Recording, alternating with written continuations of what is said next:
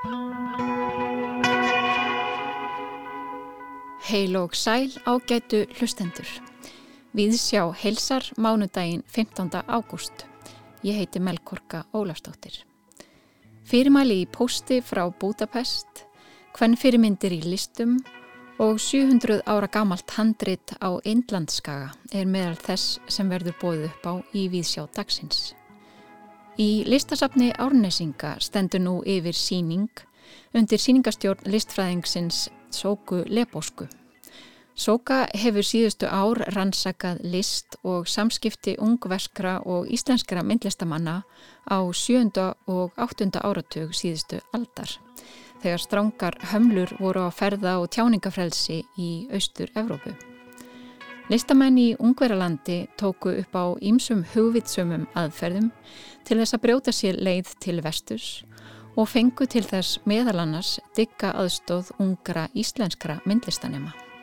Í tengjivagninum þann 27. júli síðastliðin spjöldluðum við Gunnar Hansson við bandarísk hjón sem eru nýflutt til Akureyrar. Þau sögðu okkur frá leiksýningu sem þá var í undirbúningi og fór fram í tjarnabíói um helgina. Eva Haldóra Guðmundsdóttir fór á síninguna The Women Who Rode Away og fjallar um hana í leikúspisli dagsins. Við hugum líka fornu indversku já, eða pakistansku handriti en á miðnætti voru 75 ár liðin frá því að þessi tvö nútímaríki, Indland og Pakistan, örðu til við uppskiptingu breska heimsveldisins sem áður réð ríkjum á Indlandskaga. En við byrjum á að heiðra eina ástsælistu óperusöngkonu þjóðarinnar, Þurriði Pálsdóttur, sem lést fyrir helgi 95 ára að aldri. Þurriði var af miklu tónlistafólki komin, dóttir Kristína Norðmann píjónokennara og Páls Ísolssonar tónskálds og orgaleikara. Þurriði stundaði söng og tónlistanám á Ítalíu á sjötta áratugnum og söng fjölmörg óperulutverk bæði hér heima og erlendis. Heyrum þurriði Pálsdóttur syngja lag Sigvalda Kaldalóns við textaguðmundar Geirdal, Þú eina hjartans indið mitt. Á píanóið leikur Fritz Weisseppel.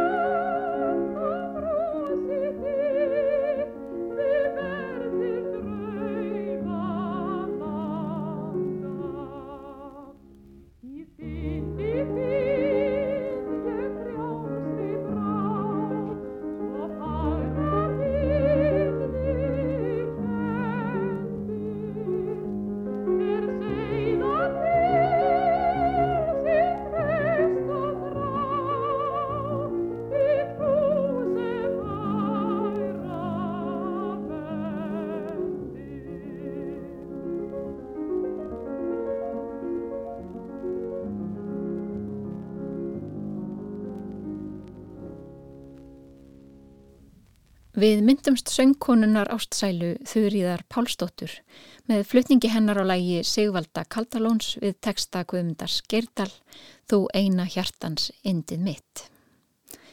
Þá höldum við yfir heiðina og tökum stefnuna á hverakerði.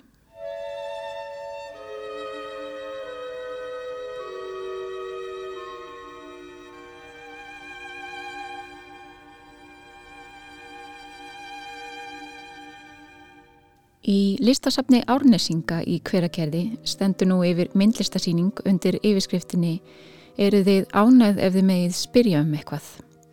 Við komum nánar að þessum kannski eilitið tyrna titli síðar en síningin er sannlega áhugaverð rannsóknarsýning sprottin upp úr vinnu ungverska listfræðingsins Sóku Lepósu sem starfað hefur í safninu síðustu ár. Eh, ég heiti Sjóka, eh, ég er listfræðingur frá Budapest, Ungverjalandi og það hefur verið draumurinn minn að uh, koma til Íslands og þegar ég var að vinna í listasafni Reykjavíkur ég fann þessa gömlu síningarskrá sem á listaháttíð Reykjavíkur árið 1972 og ég sá fægra ungverska og íslenska listamenn sína saman og uh, þetta kom mér verulega á óvart og svo ég byrjaði að rannsaka. Og tók vittöl uh, við listamennina uh, ekkert Pétursson eða Ingolf Arnarsson og Rúri og um, það var áhugavert tengsl milli landana tveggja. En uh, ungversku listamennir gáttu ekki ferðast uh, vestur frá östurblokkinni en uh, þeir sendu listaverk og leitbeiningar til Íslands. Svo íslensku listamennir og keisvisar frá Hollandi setti upp síningarnar en uh, þeir aldrei hittast.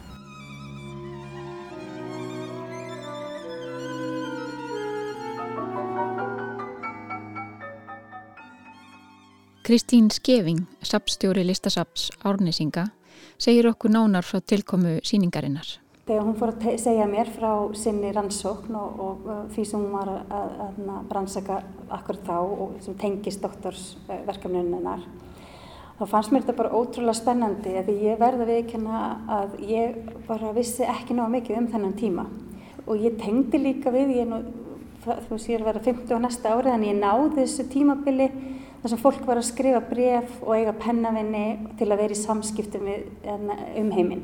En ég tengdi persónulega alveg við þetta þó að það væri ekkert af list, það var bara út af úlingur í breðarti sem langaði að heyra hvað hínu verið að gera í heiminum. Og, hérna, en að fá bref og, og, og þessi, þetta, er bara eitthvað sem að, þú veist þetta er náttúrulega bara eitt hluti af síningun en ég upplifði að það getur verið svo áhört líka bara að skoða það, hvernig samskiptin voru Því núna náttúrulega í dag skrifa maður 20 e-mail á, á, á 10 mínutum og búin að tala um allaveginn sem er skilur í einhver landi eh, og þetta náttúrulega var bara allt, allt öðruðsig og, og þegar sjókavarandi að sína mér alls konar gögn sem hann hafi fundið í Níló og það langaði mig bara að vita meira og ég fann bara að þetta var að verða að síningu.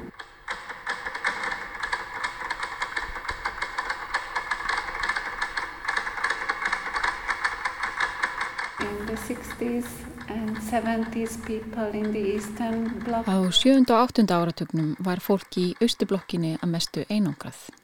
En listamenn þar lögðu mikið á sig til þess að komast að því hvað færi fram í hinnum vestrana listheimi. Framústefnu listafólk Austublokkarinnar skrifiðu bref og komu sér upp hugvitsamlegum aðferðum til að tengjast vestrænu listasinninni á tímum þegar öll samskipti voru vandlega reitskoðuð og ferðalög afar takmörkuð. And uh, I found out during this project that Icelandic artists felt the same way. Íslenski listamenn uppliðu líka einangrun þó ástæður einangrunarinnar væru fyrst og fremst landfræðilegar frekar en pólitískar. Listafólki í Galeri Zoom uppliði samt sem áður líka ákveðna útilokun í íslensku menningarlandslægi vegna þess að áherslur í síningarhaldi á sjöndu og áttunda áratökunum voru öðru fremur á abstrakt list. An interesting article where uh, Magnus Persson said that they envy Hungarian artists being in the middle of Europe. Það kom sóku því og óvart þegar hún komst að því að íslenski listamenn hefðu öfunda þá ungversku af því að vera í miðri Evrópu og í betri tengslum við önnu lönd álfunar. því hún hefði frekar trúið í að Íslenskt listafólk hefði fleiri tækjaveri.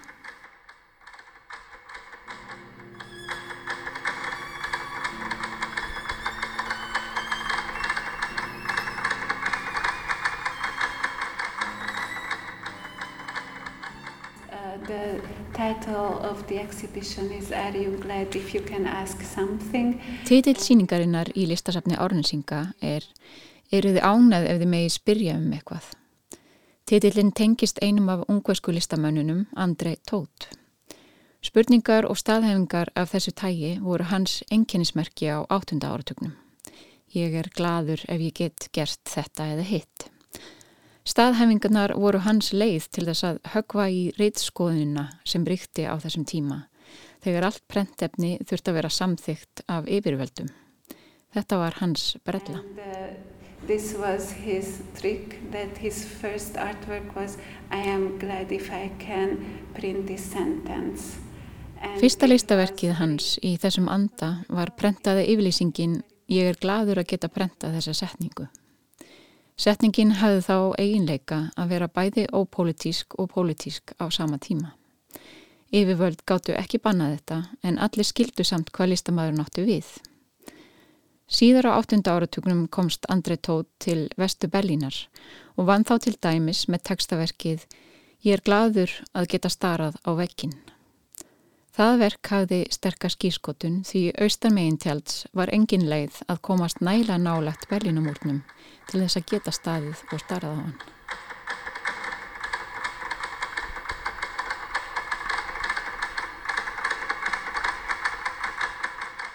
Ungversku listamenninni þrýr sem áttu í brefaskiptum við unga íslenska myndlistamenn á 7. og 8. áratögnum fóru hver sína leið í því að komast fram hjá reytskoðun stjórnvalda og lauma sér inn á við svo kallaða óvinnasvæði.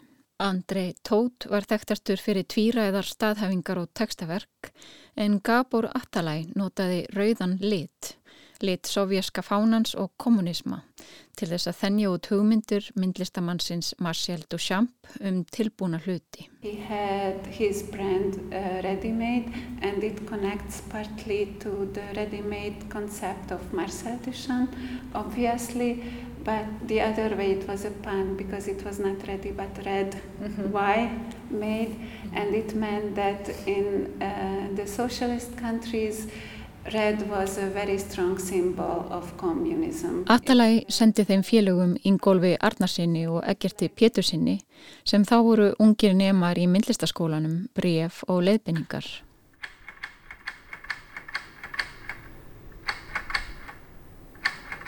Uh, because he could not travel. There were very strict uh, travel restrictions at that time in Hungary, so everything went uh, through post. Þetta var árið 1978 og þeir Ingólur og Eggert unnu þá í nýju galeri í Reykjavík, galeri í Suðugötu 7. Atalagi bað þá skriflega um að taka myndir af götum Reykjavíkur af gallerínu á Suðugötu og umhverfinu á Íslandi og senda honum framkallaði myndir tilbaka. Þegar Atalagi hafði opnað pakkana frá þeim félögum í Budapest, málaði hann ákveðna hluta myndana í hárröðum lit og sendið það svo aftur til Ingóls og Eggerts með þeim fyrirmælum að mála allt sem þeir mögulega gætu eftir myndunum. Þeir tóku því til við að mála stígan, dyrnar og glukkakarmana í gallerínu við Suðugötu rauða og fórum er að segja í sunnudagsbíltúr á bíl Hannesa Lárussonar til þess að mála hraungríti í Grendvi Reykjavík í þessum sama hárröða lit. Þannig uppfylltu þeir sín þessa merkilega myndlistamanns sem átti ekki heimangengt frá Ungverðlandi.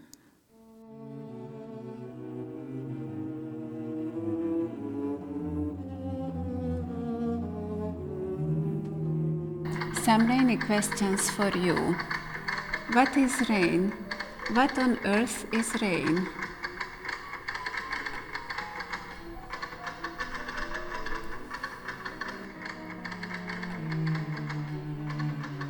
Á 7. og 8. áratögnum voru brefaskriftir eða svo kallað mail art vinsælt listform.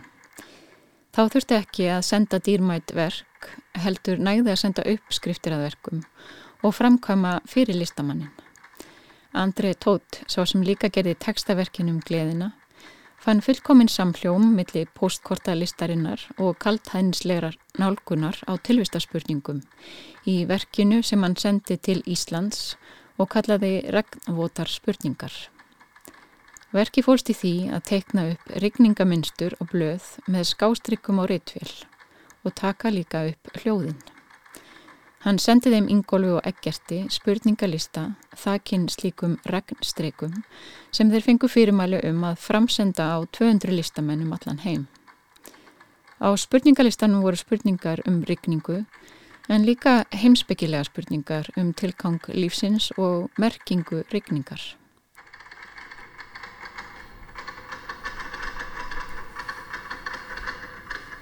Oh yeah, I think it's on purpose that it's not so readable. Yeah, if rain comes from nothing. And becomes nothing. A nice question, isn't it? Mm -hmm. And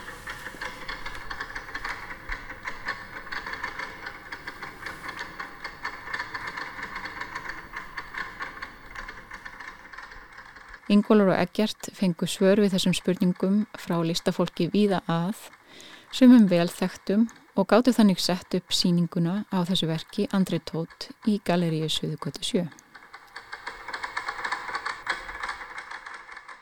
Það var mjög mikilvægt fyrir mig að sjá uh, þetta verkefni og samvinna uh, milli ungverskra og íslenskra listamanna frá 8. Uh, áratugnum og ég er mjög glöð að geta gert þessa síningu.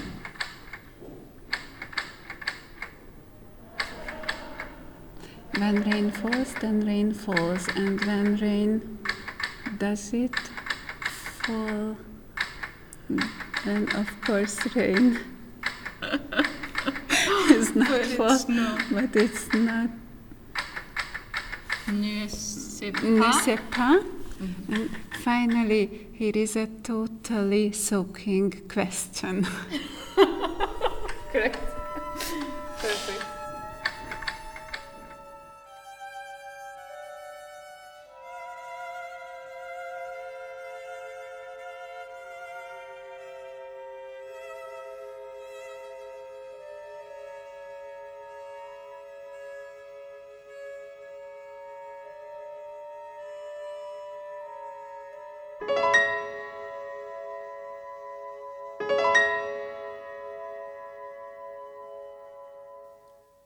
Viðsjá heimsótti síninguna eru þið ánægð ef þið megið spyrja um eitthvað á listasafni Árnesinga í hverakerði. Við heyrðum líka brot úr kamerverkinu 14 leiðir til þess að lýsa rigningu eftir austríska tónskaldið Hans Æsler sem þekktastur er fyrir að hafa samið þjóðsöng Austurþískalands.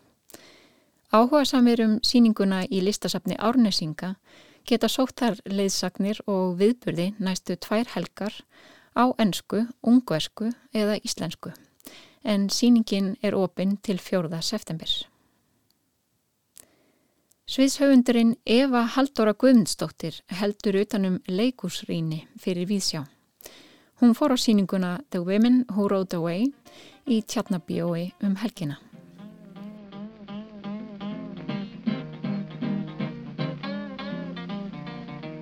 Ég hef lengi verið hrætt við það að vera kölluð fyrirmynd. Aðalega vegna kvatvísi minnar og tilneingar til að lata margt út um mér sem eftir á að higgja var ekkert það gáfulegasta. Eða vegna þess hversu hávær ég er. Eða hreinlega vegna þess að ég gerir mistök daglega sem koma mér í alls konar óheppilegt klandur. Fyrirmynd er nefnilega ábyrðarhlutverk og verandi kona er mér kent ábyrð frá blöytu barnsbynni.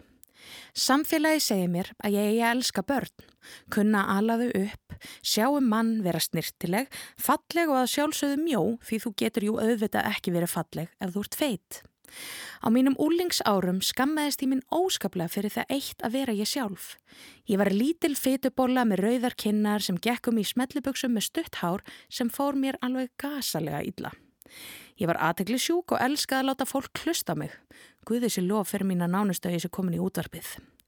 Ég þráði ekkert heitar en að passa í gullinsnið anoreksíu sjúklingsins og geta gengið um í magabólum og lágum díselgalaböksum. Að vera dölar full og segðandi við það eitt að segja ekki neitt. En af hverju fannst mér svona sársökufullt að vera með krútlega bömbu, frekjusgarð og freknur? Hvernig orsakast það að 12 ára stelpa á Íslandi finnur til þegar Marissa Cooper kemur á skjáin í The O.C.? Allir eiga sinn sársöka. Hvað þá á úlingsárunum þegar allt sem þær gengur í gegnum er dramatíst? Síðastliði förstudagskvöld skellt ég mér að sjá mína fyrstu leiksýningu á þessu leikári í Tjarnarbíó. Sýningin heitir á frummálunu The Women Who Rode Away eða í lauslegri þýðinguminni Konurnar sem riðu á brott. Verkið er frumsamin einleikur eftir Natalíu Sökkermann. Í verkinu blandar hún saman ímsum listformum sem hún vinnur með í sínu eigin lífi. Ásamt því að vera virkilega fær gítarleikari, laga og textasmiður er hún myndlistakona og leikona. Verkið er eins konar þroskasaða Natalíu þar sem hún segir áhöröndum sögu sína með því að segja sögur þeirra kvenna sem hafa haft hvað mest áhrif á hana og eins og hún segir í upphafi verksins ruttu brautina. Milli frásagnarinnar flytur hún frumsamin lög í þjóðlega stíl innblásin af áhrifum kvennana. Verkið hefst á því að Natalia segir frá fluttningum sínum til New Mexico á úlingsárunum. Myndmentakennari hennar kynir hana fyrir myndlistakonunni Georgia O'Keeffe. Við það eitt að fræðast um þessa merkilugu konu kynnist Natalia sjálfri sér sem kraftmikilli ungri hinsegin listakonu. Þrátt fyrir ungan aldur vissi hún strax að hún tengdi við Georgiu. Við það eitt að heyra um konu sem hún tengdi við urðu til töfrar. Hún fekk örlíti meira rými innra með sér til að vera hún sjálf. Margar konur koma við sögu í verkinu. Sumar þekkti ég eins og Bell Hooks, Audrey Lorde og fleiri en öðrum fekk ég að kynnast í frásag Natalíu eins og ljóðskaldunu Ednu St. Vincent Millay, tónlistarkonunu Rosetta Tharp og kann-kann-dansarunum Jane Avril. En í bland við þessa brautriðendur fá við líka að kynast ömmu Natalíu, myndmentakennarinn mennar og kærustu. Brautriðendur þurfa vissulega ekki að vera frægir til að hafa áhrif. Fyrirmyndir og þau sem móta líf okkar koma ár öllum áttum. Kýra Simring, leikstjóri verksins, náða að skapa einlega og fallega frásögn með Natalíu Sökkermann. En ég saknaði náleðar við Natalíu sjálfa. Verkið er virkilega lástemt en skortir blæbreyði í frásögninni.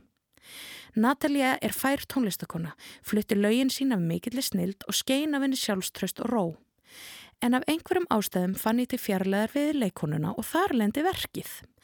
Leikmyndin samanstendur af lágum palli sem ástanda stóll, lítið hliðarborð, gítarar Natalju og stórar trönur sem ásetur kvítur stríi. Á meðan Natalia segir frá lífi sínu byrtast myndir eftir hann á stryganum og á milli þeirra kaplaskilverksins skrifuð út á strygan í mynd hönnun Gertrjan Húben. Natalia stýgur ekki niður á pallinum fyrir henni í síðasta læginu í lokverksins og þá loksins upplifði örlíti meiri kraft. Hrinnjandi verksins var meira eins og fyrirlestur en leikverk. Mér fannst saga Natalíu skemmtileg en frásögnin var of einsleit. Launanar voru falleg en öll of keim lík. Það gerði það verkum að mér fannst verkið of langt en samt langaði með að vita meira. Taktur verksins allir tókstreitu innra með mér því mér fannst það merkilegt og mikilvægt en bara ekki nægilega skemmtilegt. Einni missaði af tækifærum til að reyfa við áhörundum tilfinningarlega vegna skorts á krafti og litbreyðum í frásögninni. En eins og áður sagði er þessi lágstemda síning með mikilvæg skilabóð. Nú þurfum við að læra af sögunni og létta á sársöka þeirra sem eru markvist í aðarsett. Verkið The Women Who Rode Away bendir á mikilvægi þess að fjölbreytilegi samfélagsins sé endurspeglaður. Það að kynnast sögu Georgia O'Keeffe breytti heimsmynd Natalie á úlingsárunum. Það opnaði augu hennar fyrir því að tilværi konu sem elska aðrar konur þar sem hún hafði átt í framhjáhaldi með konum. Natalia nefndi í verkinu að kennarinn hennar hafði kynnt hana á samnemyndur hennar fyrir konum sem hún heyrði svo ekki nefndar aftur fyrir hún tók áfanga í feminískum fræðum á háskólastígi. Hvers vegna þarf hins einn kona að fara í háskóla til að læra um og kynnast sínum fyrirmyndum? Á úlingsárunum eru við stöður leit að viðurkenningu og einhverjum sem er eins og þú. Því er ekki skrítið að Natalia hafi heitlast svona gífurlega af Georgia O'Keeffe verandi hins einn úlingur í samfélagi sem verðurleunar allt heteronormatíft. Það hefur örglega verið ómetanlegt að fræðast um konu sem braud ósýnilega reglur samfélagsins óspart til að vera hún sjálf. Litla Eva með sína bjöguðu líkamsýmynd hefði virkilega þurft að því að halda að sjá einhvern, bara einhvern í því ósí sem hún hefði getað samsama sig við. Ímyndið ykkur ef að hávær, feit, flipuð og góðhjörtur stelpa hefði fengið rými í því ósí. Það hefði breytt miklu fyrir margar dúllur eins og mig sem gerði það eitt að hata líkama sinn. Ég get því ekki ímynda mér hvernig það hefði verið fyrir hins egin mannesku að sjá einhvern áþekkan sér endur speiklaðan án þess að vera gerðan að stereotypískum aukakarakter. Fyrirmyndir og fjölbreytileiki eru mikilvæg. Sérstaklega í heimi þar sem menn eins og Andrew Tate fá að móta huga ungra karlmanna og spreða hvennfyrirlitningu sinni og homofóbíu. Meðan slíkir fá rými fremsta á sviðinu er mikilvægt að við tökum í taumana og tryggjum að fjölbreytileikin fái rými í samfélaginu. Við sem erum ekki hinsegin þurfum að vera vissum að hinsegin fólk fái rými og verði ekki enn jæðarsettara. Hlusta á þarfir þeirra og leita okkur á fróðleg og veitnesku. Það eru svo margir búnir að riðja brautina en samt fær fjölbreytileikin ekki það rými sem hann á skilið. Við verðum að gera betur. Nú er komið á okkur að vera fyrirmyndir.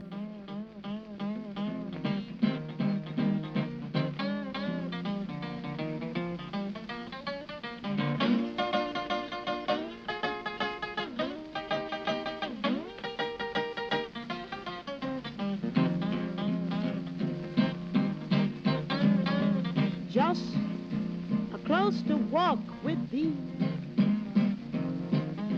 Granny Jesus, if you please. Daily walking close with thee. Let it be, dear Lord, let it be. I am weak, but thou art strong. Jesus, keep me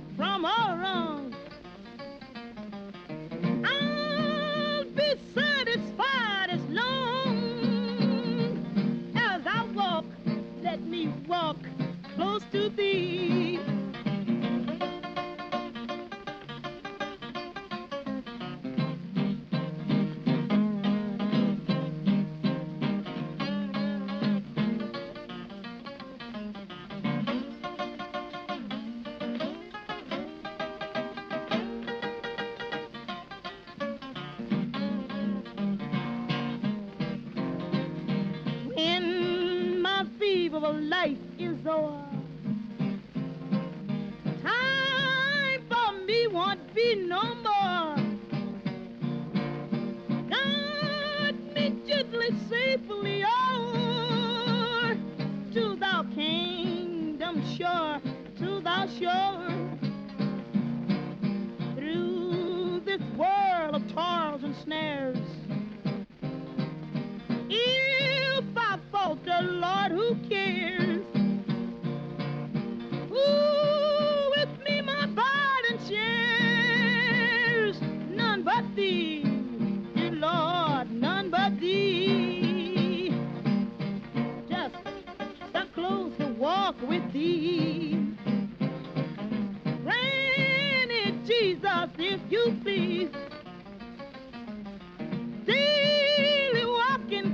with thee.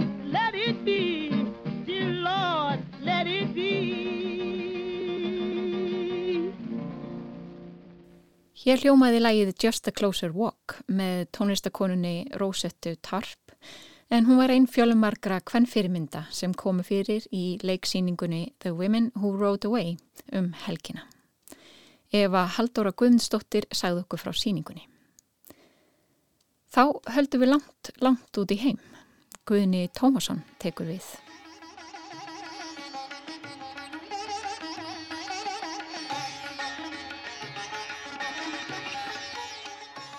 Það er einhvern veginn skrítið að segja það uppátt en Indland, þetta annað fjölmennasta ríki í jarðarinnar og stærsta líðræðisríki hennar, eitt af kjarnorku veldum samtímans, þar sem rúmlega 1,5 miljardur íbúa býr, er 75 ára í dag. Já, það eru í dag 15. ágúst 75 ár síðan að Indland hlaut sjálfstæði undan bretum en í gær heldur nágrannarnir í norðri, í Pakistan, upp á sitt sjálfstæðis amali. Þessi tvö sjálfstæðu nútímalönd urðu því í raun til bæði á miðnætti 15. ágúst, gjörningnum stjórnað á sínum tíma af annari fjarlæri þjóð sem að deldi og drotnaði. At the stroke of the midnight hour, when the world sleeps, India will awake to life and freedom. 15. ágúst 1947 tók gildi það sem kallað var The Indian Independence Act en með þeirri samþitt sem að afgreitt var fyrr um sumarið skipti breska þingið í Westminster Hall við Thamesá í London í raun upp nýlandu bresku krúnunar í tvö ríki, Indland og Pakistan. Samþýttinn kom í kjölfar þess sem kallað hefur verið áætlun Mountbattens, kend við Lord Mountbatten, sem að vissulega hétt fullunarfni Louis Francis Albert Victor Nicholas Mountbatten og var fyrsti jarl af Burma. Mountbatten var gerður að landstjóra Indlands og falið sérstaklega að hafa yfir umsjón með skiptingu landsins og breytingunum sem að lágu í loftinu á þessu landsvæði. Hann var síðan í fyrstu gerður ríkistjóri Indlands í tæft ári viðbót þar til heimamenn tóku við stjórnatömanum.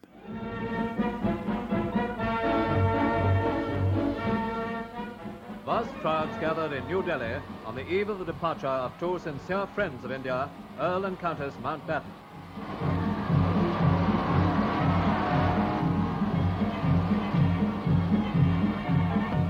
Making their way through the huge throng, their excellencies received the grateful farewells of the Indian people, whose affectionate regard has upheld them through all the strenuous months of office.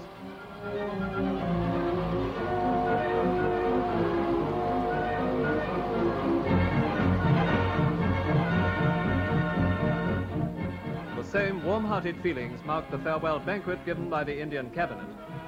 Here, on behalf of His Majesty the King, Lord Mountbatten presented a set of ten magnificent pieces of gold plate which have been at Government House since 1930. En frá því að þessi uppskurður heimsveldisins fór fram, landsvæðinu skipt upp í tvö ríki, Pakistan og Indland, hefur í rauninni staðið yfir stríð millir landana, mis heitt eða kallt stríð eftir því hvernig á það er litið.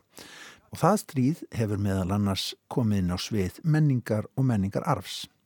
Þegar heimsveldið dró sína línu millir landana, urðu ekki aðeins almennir borgarar fyrir því, þegar að fjölskyldum var skipt upp sikkur megin við nýju landamærin. Heldur varð einn forni og stórmerki menningararfur þessa heimsluta líka fyrir barðinu á þessari skyndilegu uppskiptingu á fyrrum nýlendinni.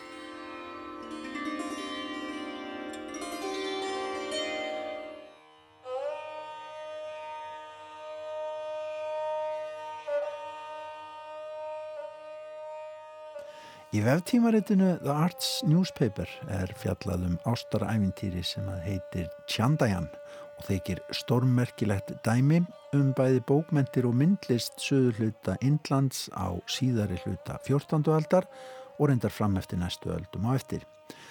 Þar segir frá ástum þeirra Tjöndu og Lóriks og þeikir sögnin stórmerkilegt form dæmi um það hvernig bókmentir á Indlandskaga voru að þróast á þeim tíma sem evrásk söguvitund hefur mótað sem miðaldir. Og höfundur, já eða listrætt skrásetjari hvæðisins Tjandajan, ástasögunar, er þekktur súfískur andlegur leðtögi á sínum tíma, Mula Daoud, sem notaðist við arabíst letur en skrifaði einhvað síður á fornu tungumáli sem að heitir Avadi og er endtalað á takmörkuðu svæði í Uttar Pradesh hér aðeins þar sem búa nú eitthvað um 200 miljónir í heldina og þann sem heimsbyðin þekkir einna helst grafísið kvíta Taj Mahal sem er tæplega 300 árum yngra en hvæðið um elskendurna Tjöndu og Lorik.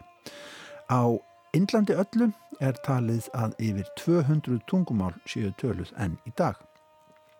Tjandajan sagan þykir fyrirtagsdæmi um sambræðslu ólíkra menningarströyma á öldum áður á Indlands skaga.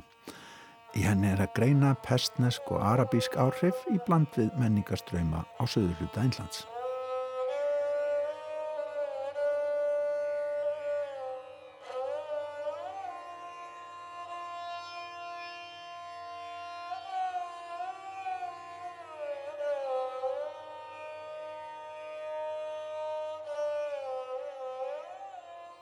Sagan er svo sem ekki íkja flókin og stefin virka kunnuleg. Ung og falleg stúlka, Tjanda, dóttir auðugs landeiganda, er gift þvert á vilja sinn, auðugum og útlitslega misefnuðum eldri Karli sem er ekki bara einiður heldur getulös að auki. Hún flýr Karlin á endanum og snýr aftur á heimili fóreldra sinna Þaðan er henni síðan rænt af vondum konungi en fadur hennar sendir af stað til að endurhemta hana ungan myndarlegan málaliða, Lórik að nafni sem verður ástinn í lífi hennar. Fjölmörgum erendum síðar í ljóðinu eftir alls konar raunir og stríðsbröld lifa þau saman, vonandi að minnstakosti, hamingi söm um alla framtíð. Hvað þetta síðasta varðar er sögninum Tjöndu og Lóri greindar til í mismunandi útgáfum. Stundum fallast þau í faðmaðalokum, stundum dæmir Lórik sig til þess að ráfa eitt það sem eftir er lífsins í leit að einhverjum aðri sannleika. Sagan um Tjöndu og Lórik var á sínum tíma hluti af þjóðsögum og þjóðvísum á Indlandi. Hvæðin líklega sungin á vatnasvæðum hinn að miklu fljóta landsins og í víðfæmum skóum sem að þekja þetta mikla land sem er 3,3 miljónir ferkilometra af flatamáli eða rúmlega 25 sinnum starra en Ísland. Það var eins vegar Múla Daút sem líkt og Snorri Sturluson hér heima skrásetti söguna og feldi hana í einn samræmdan búning. Veik þess sem hann notaði söguna til að leggja áherslu á eitt og annað er varðaði hans heimsmynd og trúarbröð súfismanns sem hann aðheldist. Ljóðið er líka það fyrsta í henni súfísku bókmenta hefð þar sem ljóðmælandin talar um tólf mánuði í frásóksinni til að undirstryka framgang tímans. Og eftir því sem aldirna liðu varð sagan af tjöndu og lórik innblástur fjölmörgum myndlistar og handverksmönnum í þessu mikla landi. Raunirnar sem elskendutin tveir þurftu að yfirstíga til að eigast voru þess aðlis að þær henduðu myndrætni frásögn vel og hinnir miklu málararlandsins sem sumir eru þekktir með nafni en aðrir eru nafnlausir dróðust að efniviðnum. En svo oft vil verða um svo fornar sögur er arfur aldana brotakendur. Sagan er til í örfáum afritunum frá 15. og 16. öld En merkasta handritið af sögunni, svo kallað Lahore Chandrigra handrit, Chandayan sagnarinnar, ber ennvittni uppskiptingar tilbörðum breska heimsveldisins árið 1947. Það handrit, eða þær 24 arkir sem eftir eru af því, það er líklegt að arkirnar hafi verið um 250 til að byrja með, það er nefnilega nú að finna í þremur ólíkum söpnum. Listasafni Chandrigar borgar á Indlandi og í tveimur söpnum í Pakistan, í Lahore og í Karachi.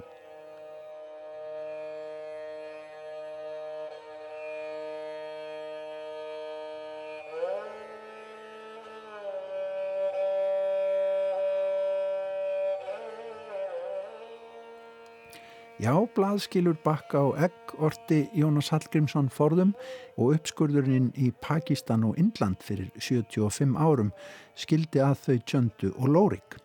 Handritið rifið í sundur líkt og raunin var um fjölskyldur á landamarasvæðinum. Uppskurður á handritinu var hluti af stærri menningar pólitískum deilimálum sem breytingarnar 1947 hafðu í förmið sér. Bengal og Punjab-héröðin á landamærunum voru skjáltasvæði breytingana, klófin í sundur og þá greipum úr einstökum söpnum, eins og til dæmis úr sapninu í Lahore, skipt upp milli landana tveggja í ákveðnum hlutföllum, en hennum 24 dýramætu örkum handritsins einfallega dreift. 14 settar í söpn í Pakistan, 10 sendar til Indlands.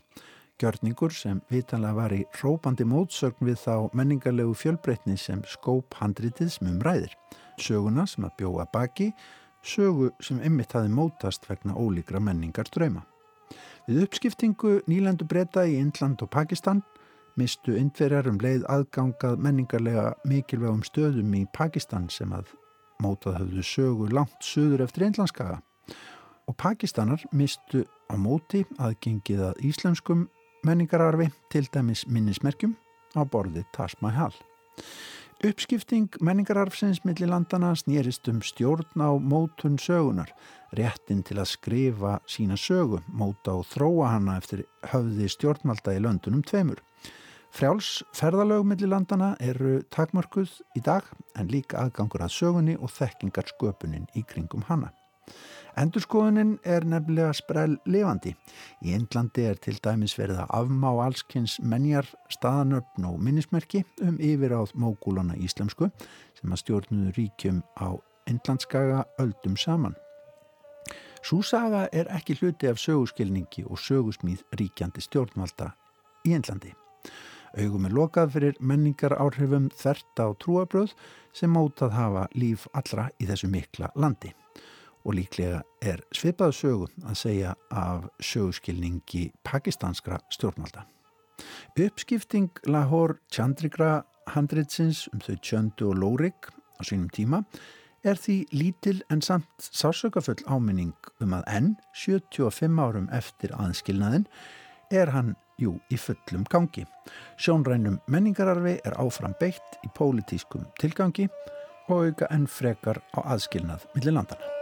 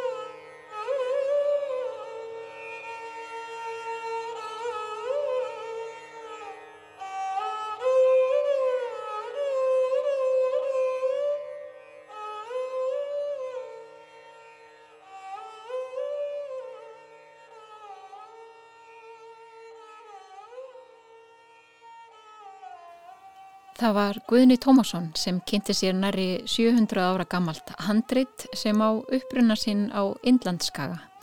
En á minnætti voru 75 ár liðin frá því að þessi fjölmennu nútímaríki örðu til. Sannlega við hæfi að kynna sér aðeins menningarsögu þessara ríkja þaðan sem reythöfundrin Salman Rushdie á rætturarekja. En við ljúkum við sjá í dag á svipaðanhátt og við hófum hana með því að minnast Þurriðar Pálsdóttur. Þurriðu var nefnileg ekki aðeins einn ástsælasta óperusöngkona þjóðurinnar. Hún var líka yfirkennari söngskólans frá stopnun hans árið 1973 og vann auðtulega að söng og tónmentun í áratýji, meðal annars með því að halda utanum þætti hér í ríkisútvarpinu sent á sjönda áratögnum. Heyrum tvö stutt brót úr þættinum tónlistartími barnana í umsjón Þurriðar Pálsdóttur frá árinu 1969. Komiði blessuð og sæl. Í tónlistartímanum í dag verða flutt barnalög. Ég hef áður talað um það að hvert sönglag hafi sitt gildi og sinn tíma. Til dæmis eigum við jólalög, vetralög, vorlög, sumarlög, danslög, vöggulög og svona mætti lengi telja. Barnalag kallast það þegar ljóð og lag er samið fyrir börn Og þau barnalög sem verða sungin hér í dag tekja flest börn á Íslandi. Nú syngja tí ára gömul börn úr Barnamúsiskóla Reykjavíkur nokkur lög og Jónína Gísladóttir leikur með á píanóið. Fyrsta lægið sem þau syngja er Ef væri ég söngvari.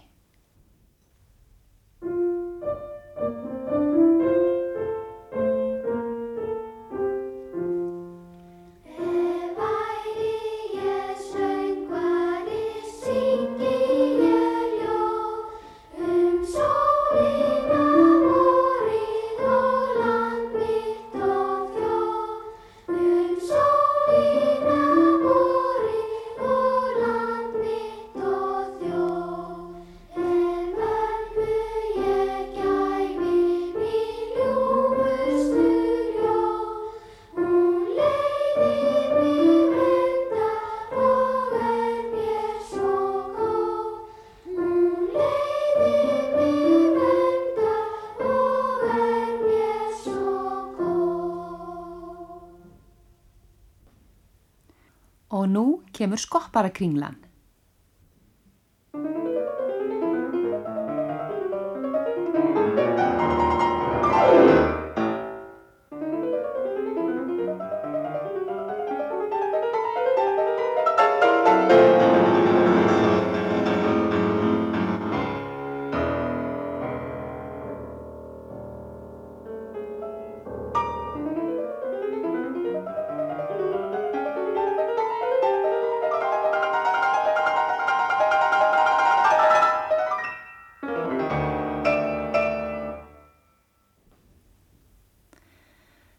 Ætla ég að syngja barnagælur sem Jórun Viðar hefur útsett en hún leikur með á píanóið.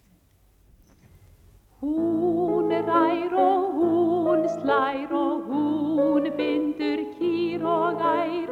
Hún gerir gagnið og gott er hún barnið. Fadir þinn er róinn, látt út á sjóin, að sækja okkur fiskinn, sjóðan upp á diskin. Rafabelt og höfukinn, þetta fær hann fadir þinn í hlutin sinn, það gefur guðminn. Við hann afa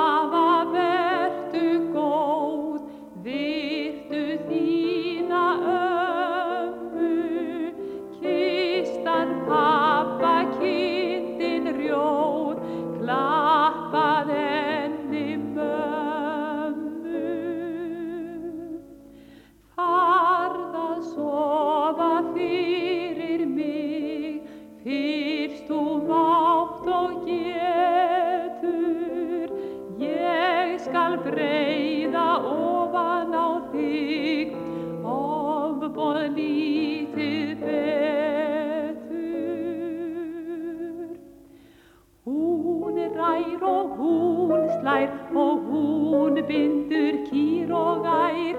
Hún gerir gagnið og gott er hún barnið. Besta